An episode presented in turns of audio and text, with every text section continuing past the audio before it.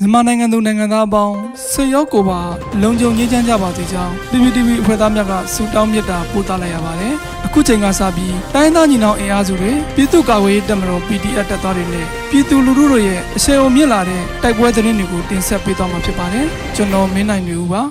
။ပထမဦးဆုံးတင်ဆက်မှာကတော့လက်ပံတောင်းတောင်စီမံကိန်းမှာ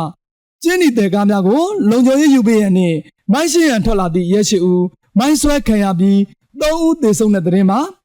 စကိုင်းတိုင်းရမပင်မြို့နယ်လက်ပံတောင်းတောင်စီမံကိန်းမှာကျင်းနီတဲကားများကိုလုံခြုံရေးယူပေးရန်ထွက်လာသည့်ရဲရှိဦးကိုယနေ့နေ့နဲ့8:55မိနစ်အချိန်တွင်မိုင်းဆွဲတိုက်ခိုက်ရာရဲ၃ဦးပွဲချင်းပြီးသေဆုံးပြီး၅ဦးဒဏ်ရာရရှိကြောင်းသိရှိရပါတယ်။ယနေ့နေ့နဲ့ပိုင်းကျင်းနီတဲမီကားများကိုလုံခြုံရေးယူပေးရန်နဲ့မိုင်းရှင်းလင်းရန်တက်ကြိုးကုန်းနှင့်ရက်တရင်28မှာထွက်လာတဲ့ရဲရှိဦးကိုပသိမ်မုံရွာလန် မြောက်ရမတရာနှင့်ရက်တရင်28ကြားမိုင်းကွန်းတဲ့ဝင်ကမိုင်းများကိုဖြုတ်ရန်ပြင်ဆင်နေစဉ်မာမိတ်ပူပေါင်းအဖွဲ့များကမိုင်းဆွဲတိုက်ခိုက်ရာရဲသုံးဦးနေရာတွင်ပင်သေဆုံးကြောင်းကြံ၅ဦးဒဏ်ရာရရှိကြောင်း Regional Front Fighter RF ထံမှသိရှိရပါတယ်ဆက်လက်ပြီးရေစကြိုမင်းရတွင်တက်ဆက်ထားတဲ့စစ်တပ်တိုက်ခိုက်ခံရပြီးစစ်ကြောမှုအပါအဝင်22ဦးသေဆုံးတဲ့တဲ့ရင်တင်ဆက်မှာပါ။မကွေးတိုင်းရေတကြုံမြို့နယ်ရေလက်ကျွန်းဒေသရှိ မင်းရွာကျေးရွာတွင်တက်ဆက်ထားတဲ့အကြမ်းဖက်စစ်တပ်ကိုဩဂတ်လ24ရက်နေ့နနက်9:30မိနစ်ခန့်တွင် PDF မာမိတ်ပူးပေါင်းတပ်ဖွဲ့များကလက်နက်ကြီးလက်နက်ငယ်များနှင့်အနိကပစ်ခတ်တိုက်ခိုက်ခဲ့ပြီးစစ်တပ်ဘက်မှစစ်ကြောမှုတအုပ်အပါအဝင်22ဦးခန့်သေဆုံးခဲ့ကြောင်းရေတကြုံမြို့နယ်ပြည်သူ့ကာကွယ်ရေးတပ်ဖွဲ့ထံမှသိရပါဗျ။အကြမ်းဖက်စစ်တပ်ဟာမင်းရကျွော်တင်တက်ဆက်ထားသည်မှာတလကျော်ခန့်ရှိပြီးတိုက်ပွဲအတွင်းစစ်ကောင်စီဘက်မှ22ဦးခန့်သေဆုံးက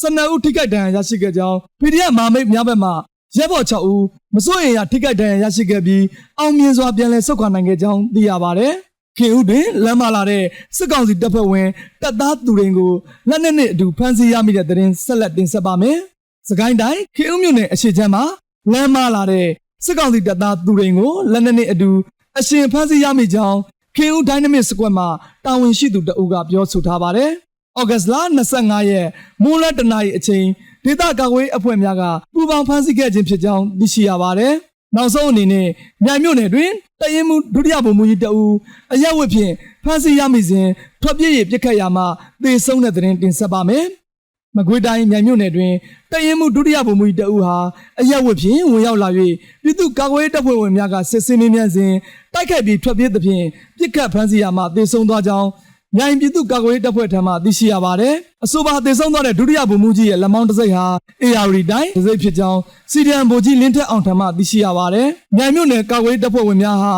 မြိုင်ပကုတ်ကူလမ်းပိုင်းတွင်စစ်ဆေးများပြုလုပ်နေစဉ်အဆိုပါဒုဗိုလ်မှူးကြီးကိုတွေ့ရှိ၍စစ်ဆေးမင်းများရာပြည်သူ့ကာကွယ်ရေးရဲဘော်များကိုပြန်လည်တိုက်ခိုက်ထွက်ပြေးသွားသဖြင့်ပြစ်ခတ်ဖမ်းဆီးရမှာတည်ဆုံခြင်းဖြစ်ကြောင်းအချင်းနေအကြောင်းကြောင့်ကြောင့်ဖြစ်ပေါ်ရာအချိန်များနှင့်အချို့အချက်လက်များကိုဖော်ပြခြင်းမပြုတာဖြစ်ကြောင်း မြိုင်ပြည်သူ့ကာကွယ်ရေးတပ်ဖွဲ့ကပြောဆိုထားပါတယ်ခင်ဗျာ